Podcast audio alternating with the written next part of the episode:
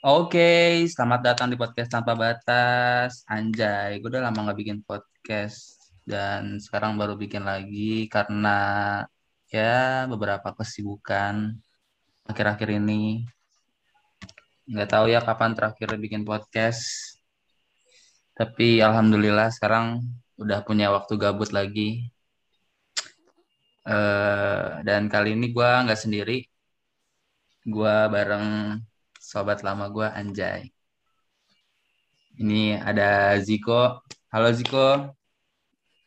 Halo, anjir sobat lama. Kita kayak udah lama banget tidak bertemu anjir. Oh bener, udah lama gak ketemu, udah setahun kan gak ketemu. Iya juga. Gak ya. sih, lebay banget. Nggak, terakhir kemarin bulan apa ya? Januari ya, Februari. Bulan Gimana kabar? Kabar? Alhamdulillah baik. Gimana? Kerjaan gimana kerjaan? Kerjaan ya di bawah happy aja lah. Daripada di bawah stres ya kan. Iya, jangan stres-stres lah. Karena kan kerjaan tuh sebenarnya passion yang digaji ya. Jadi Kalau nggak passion gimana tuh? kalau nggak passion harus dipaksakan Bodoh, bodoh. supaya dapat gaji gitu. Jadi intinya demi cuan ya kan? Betul. Sekarang segalanya tuh eh, harus serba uang ya. Kalau nggak ada uang tuh nggak bisa hidup. Oh, gitu. Ini ngomong-ngomong eh, uang nih, akhir-akhir ini kayaknya orang tergiur ya sama eh, main saham gitu. Jelas gitu. Saham tuh sangat dari luar sangat menjanjikan, tapi dari dalamnya banyak kebusukan. Betul betul karena apa ya ini kan investasi lainnya selain mungkin ada yang nabung di bank atau investasi emas atau properti tanah dan lain-lain tapi saham ini sebenarnya juga menjanjikan asalkan kita emang tahu gitu dunia saham kayak gimana. Nah ngomong-ngomong saham nih minggu lalu kan ada kasus orang bunuh diri nih lu tahu kan kasusnya? Tahu yang ini ya nimpa PKL ya. Heeh, iya di Ambasador Kuningan situ. Jadi kalau gue baca-baca dari beritanya sini ya, itu kan kejadian hari Senin ya tanggal 22 minggu lalu nih. Dan kalau gue baca itu dia kronologisnya jadi dia main ke apartemen tan eh, eh, apartemen tantenya gitu, bukan apartemen sendiri kayaknya. Oh, iya. Dan awalnya sih diduga ini korban mutilasi gitu karena bagian tubuhnya kan kalau di berita itu kepisah gitu ya antara badan sama kakinya, kakinya di mana, badannya di mana gitu. Gue juga nggak bisa bayangin sih itu waktu di TKP tuh kayak gimana tuh ada kaki tiba-tiba terus katanya kan menimpa pedagang juga ya, menimpa pedagang batagor sama nasi goreng tuh kalau dari beritanya. Dan ternyata bunuh diri itu bunuh diri waktu itu direkam sama CCTV ya, yang ada di situ. Jadi waktu si korban ini jatuh dari lantai 23, terus tiba-tiba dia eh, kebentur di besi di lantai 6 gitu. Kalau nggak salah, saya kira kepisah tuh antara kaki sama badan. Kalau nggak salah tuh badannya ada di parkiran, terus ada kaki itu nimpa tukang batagor sama nasi goreng itu. Gua nggak bisa bayangin sih lagi goreng batagor gitu ya, asik-asik. Terus Tiba-tiba ada kaki ya. tiba-tiba ada kaki men dan itu katanya dagingnya berserakan gitu. Terus Aduh. si penjual itu juga bilangnya sih eh, kayak kejatuhan bom gitu. Nah, Separah itu berarti ya. Heeh, terus dan usut punya usut ternyata setelah ditelusuri sama polisi korban ini eh, laki-laki dan dia diduga itu karena bunuh diri karena stres main saham. Nah, ini gue agak heran sih kenapa orang main saham tapi sampai bunuh diri gitu. Gini. Menurut menurut lo gimana tuh? Kenapa uh, main saham tuh sampai bisa bikin orang bunuh diri? Emang kira-kira nih menurut lo yang uh, ya lu kan udah uh, main saham nih dari beberapa bulan yang lalu mungkin ya atau dari lama. Menurut lo emangnya ada ya faktor yang sekiranya itu bisa bikin stres dalam investasi saham? Uh, gimana ya? Sebenarnya kalau lo main saham itu syarat paling utamanya itu lo harus pakai ini bentuk investasi apa pun sih ya nih. Harusnya itu lu pakai duitnya tuh duit dingin namanya. Duit dingin hmm. tuh duit yang apa ya bahasanya tuh kalau misalnya ini duit hilang lu masih bisa hidup.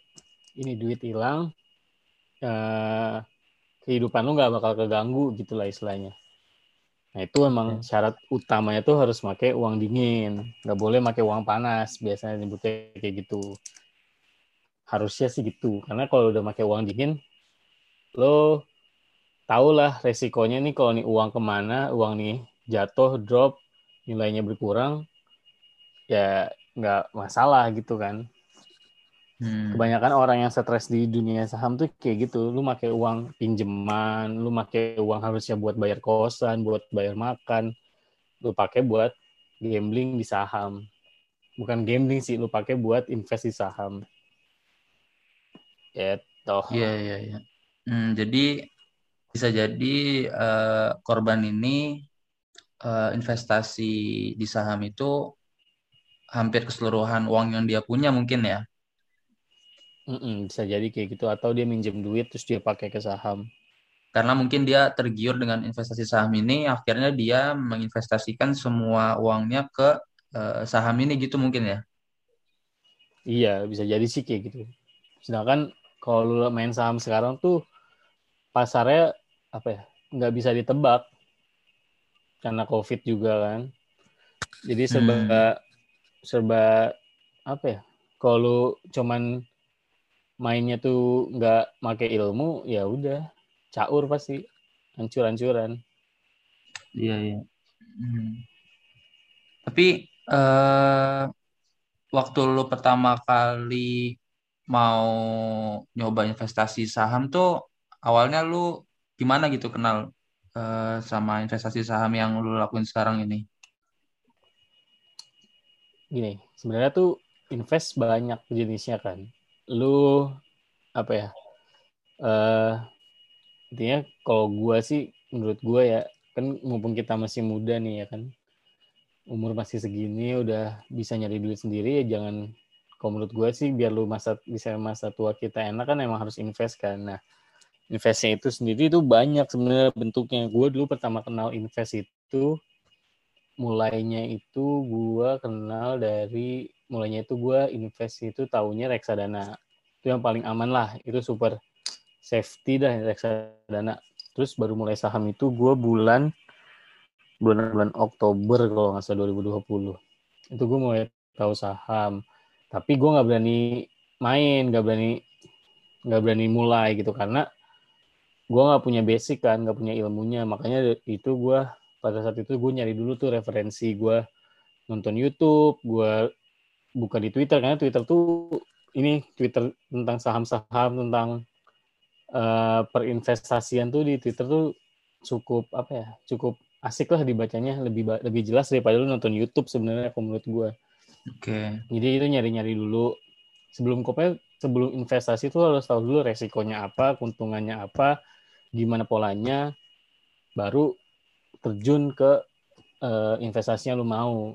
Pas terjun pun nanti juga harus belajar lu mau beli apa, lu harus tahu tuh perusahaannya gimana, teknikalnya gimana. Nggak usah teknikal lah kalau kayak gue, cukup tahu fundamental perusahaannya aja, itu cukup sih sebenarnya kalau lu mau investasi bukan trading ya. Karena beda hmm. lagi tuh Hmm, oke. Okay. Uh, eh, tapi menurut lo dari yang lo lihat sekarang, kira-kira investasi saham nih gimana? Apa sekarang lagi COVID nih malah meningkat atau menurun? Atau akhir-akhir ini mungkin orang-orang uh, tahu investasi saham, akhirnya jadi main saham juga gitu? wah uh, gimana ya nyebutnya? Sebenarnya gue juga termasuk orang-orang yang ikut-ikutan sih awalnya, tapi emang pada saat harusnya nih ya kalau mau join saham tuh yang bener itu pas di awal corona kenapa karena di awal corona tuh harga saham ambruk kan? Jadi kalau di saham hmm. tuh pilihannya lu beli saat merah bukan beli saat hijau lah intinya gitu. Lu beli tuh bukan pas dia lagi naik tapi beli pas lagi turun. Nah turunnya itu pas di bulan uh, tahun lalu tuh pas lagi corona coronanya baru muncul di Indonesia tuh ambruk tuh saham. Kalau sekarang tuh apa ya belum bisa dibilang stabil masih. Saham tuh masih turun naiknya tuh fluktuasinya cepet. Lu bisa seminggu naik, terus besoknya seminggu turun. Kayak gitu tuh kalau saham yang sekarang. Fluktuasinya lagi kayak gitu pergerakannya. Ya, tapi sebenarnya kalau lu mau beli pun nggak apa-apa gitu. Kalau mau ada yang beli tuh nggak apa-apa, tapi niatnya itu invest. Niatnya tuh investment, jangan niatnya trading. Kalau trading, caur sih menurut gua. Hmm. Jadi sebenarnya saham juga nggak bisa kita prediksi ya dia bakal stabil atau enggak apalagi uh, kayak pandemi sekarang gini. Hmm, gimana disebutnya? Bisa sebenarnya diprediksi itu ada ilmunya, ada apa ya? Ada cara baca grafiknya tuh ada. Ada gimana? Ya, ada ilmunya lah buat lu ngebaca grafik nih kira-kira nih bakal naik atau turun nih di akhir penutupan saham tuh ada caranya tapi ya balik lagi uh, lu mau belajar atau enggak sebenarnya kayak gitu kebanyakan orang nih kalau gue nggak salah inget itu naiknya pengguna saham di Indonesia tuh sejak bulan sejak bulan apa sejak awal tahun lah. Itu naiknya gila-gilaan tuh bisa berapa juta orang gitu yang baru banget main saham. Terus modalnya tuh ikut-ikutan. Nah itu tuh yang bahaya hmm. sebenarnya. Terus pas kan, turun panik. Mm -mm. tapi kan kita nggak tahu juga Aku, ya dia uh, kita nggak tahu juga ya dia ikut-ikutan itu apakah dia karena temennya atau emang dia uh, udah punya basic dalam main saham gitu kan ya? Iya sih. Hmm. Bisa jadi. Uh, kan ya kita sebagai manusia pastinya harus berinvestasi buat masa depan ya. Uh, kan saham eh investasi itu ada macam-macam ya. Uh, misalkan saham terus mungkin investasi emas atau properti atau kayak reksadana tadi yang lu bilang. Nah, menurut lu saham ini resikonya dia di mana nih posisinya? Apakah dia uh, punya resiko paling tinggi atau resiko paling rendah dibandingkan investasi yang lainnya gitu? Kalau yang gue belajar ya, sebenarnya bentuk investasi kan banyak ya, properti ada, investasi ada emas, ada reksadana, ada saham. Terus yang paling yang bakal booming nih menurut gue tahun ini tuh ada yang namanya cryptocurrency. Ya apa ya? Yang paling aman sih menurut gue ya emas. Emas tuh udah investasi teraman lah. Istilahnya kayak nilainya bakal terus ada sepanjang hidup lu. Itu emas pasti dan nilainya itu apa ya, historinya tuh selalu naik lah kalau emas. Terus kalau reksadana juga emang kalau reksadana tuh apa ya? Dia yang paling aman di dalam uh, investasi dalam bentuk digital, bukan digital sih nyebutnya investasi dalam bentuk data lah kayak gitulah istilahnya ya. Itu reksadana cukup aman. Dia istilahnya bakal naik terus kalau lu rajin nabung di reksadana. Kalau saham itu balik lagi kalau lu saham biasanya nih ya kalau orang yang main saham terus niatnya trading dan nggak punya ilmunya, nggak punya nggak bisa baca grafiknya, nggak bisa tahu trennya apa karena saham tuh buh, pergerakannya tuh tergantung bandar lah istilahnya kayak gitu. Kalau nggak hmm. tahu nih bandar mau gerak ke mana, caur gip saham. Tapi kalau lu emang niat di saham tuh buat invest, misal kalau main saham tuh ada yang disebut saham blue chip. Itu saham-saham perusahaan yang istilahnya apa ya udah pasti itu jadi kebutuhan pokok kita lah selama hidup. Contohnya itu kayak perbankan. Contohnya lagi tuh kayak uh, di bidang pangan kayak misalnya Unilever, Indofood. Terus di bidang telekomunikasi kayak Telkom, kayak gitu-gitu tuh saham-saham blue chip tuh aman sebenarnya kalau mau invest jangka panjang. Tapi hmm. kebanyakan orang kan ini karena lagi COVID butuh fresh money ya. Terus udah lagi butuh duit, gamblingnya ke saham gitu dan lagi di covid tuh kalau mau trading saham tuh bisa kalau mau tapi caur kalau nggak punya ilmu makanya gue juga nggak berani sebenarnya terus kalau yang paling ini ada lagi satu yang paling paling bukan bahaya sih paling paling resikonya tertinggi itu kripto. Gue sendiri sih lagi sekarang lagi nyoba kripto ya karena emang keuntungannya gede. Bukan keuntungannya gede sih uh, depends juga lu ngambil kripto apa.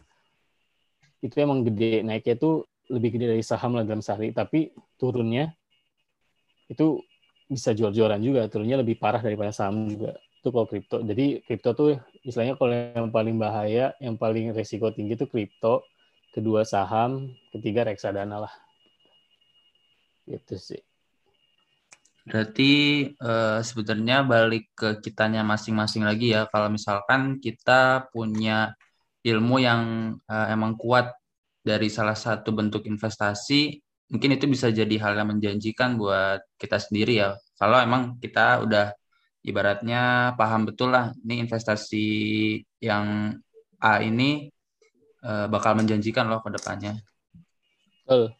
Kalaupun harus base. Lanjut kalaupun emang kita main di investasi yang ibaratnya resikonya rendah tapi kita nggak punya ilmunya juga jadi sama aja bohong kan ya mm -mm. mau lu main reksadana kalau lu nggak tahu gimana caranya biar lucuan konstan. Karena kan reksadana tuh sebenarnya invest di reksadana tuh ada yang namanya pasar uang itu mirip sama lu nabung di apa ya sama kayak lu nabung di bank atau lu nabung deposito lah. Bedanya hmm. kalau reksadana kan lu bisa lu ambil kan. Kalau deposito yeah, nggak yeah. lu bisa bisa nggak lu bisa ambil. Ya gitu bedanya. Tapi ya itu emang harus istilahnya semua invest tuh lu harus pelajarin lah kalau mau invest. Benar hmm, nah balik lagi ke kasus yang di ambasador tadi. Jadi sebetulnya banyak ya faktor kenapa ini mungkin salah satu ya dari sekian banyak kasus di dunia uh, dia sampai bunuh diri karena main saham. Ya mungkin tadi yang lu bilang karena dia meng mungkin menginvestasikan semua uangnya itu ke saham karena dia tergiur dengan keuntungan. Mungkin ya yang lu bilang tadi juga namanya saham kan ada waktunya jatuh ya. Bisa jadi dia ada dalam keadaannya rugi terus akhirnya dia stres dan kira ya dia bunuh diri. Atau mungkin karena dia ikut-ikutan temennya, dia tertarik, terus akhirnya menginvestasikan uangnya, tapi dia nggak ada ilmunya juga bisa jadi bikin stres ya. Iya, sebenarnya tergant nggak tahu juga kan kita ya sebenarnya dia kenapa, tapi kalau emang yeah. karena saham, ya kemungkinan besar ya gitu, portofolionya dia pasti merah, mm. terus panik, mentalnya nggak kuat, kemungkinan sih gitu, bukan mental sih, uh, apa ya? Ya dia mungkin mikir pendek kali ya jadinya he choose that ya ya di sisi lain juga dia akhirnya matiin rezeki dagang batagor sama nasi goreng itu karena Kasian.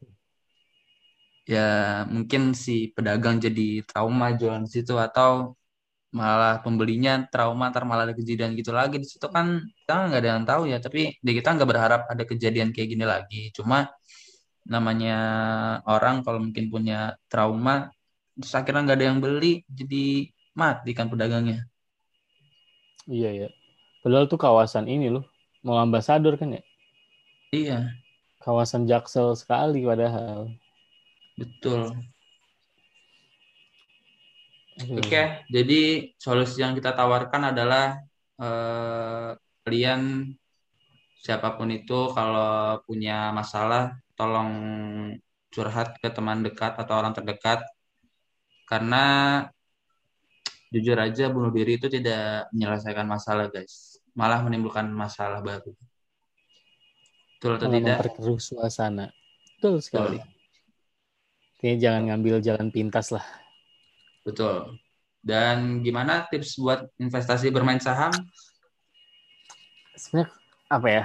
Kalau gue sih ya nyaranin nih, karena kan nanti penikmat apa nih namanya podcast podcast apa gitu? Tanpa batas. Tanpa batas nih kebanyakan anak muda ya kan? Betul anak muda. Ya, kalau saran gue sih bisa mungkin dari penghasilan kita sisihkanlah untuk invest. Untuk masa depan juga sebenarnya kan. Betul. Mau invest apa pun yang dipilih, saran gue sih mulai invest lah, belajar invest dikit-dikit aja, nggak usah banyak-banyak. Penting konsisten. Asik. Ah. Yang pastinya sebelum berinvestasi kita harus punya ilmunya, kita harus pelajari dulu investasi A, B, C itu seperti apa dunianya, terus apa aja yang harus kita pelajari di investasi tersebut, kita ngerti baru kita mungkin bisa terjun ke investasi tersebut ya. Betul. Karena masa ikut-ikutan. Betul. Ikut-ikutan boleh asalkan ada ilmunya dan tahu gimana uh, cara berkutat di investasi tersebut.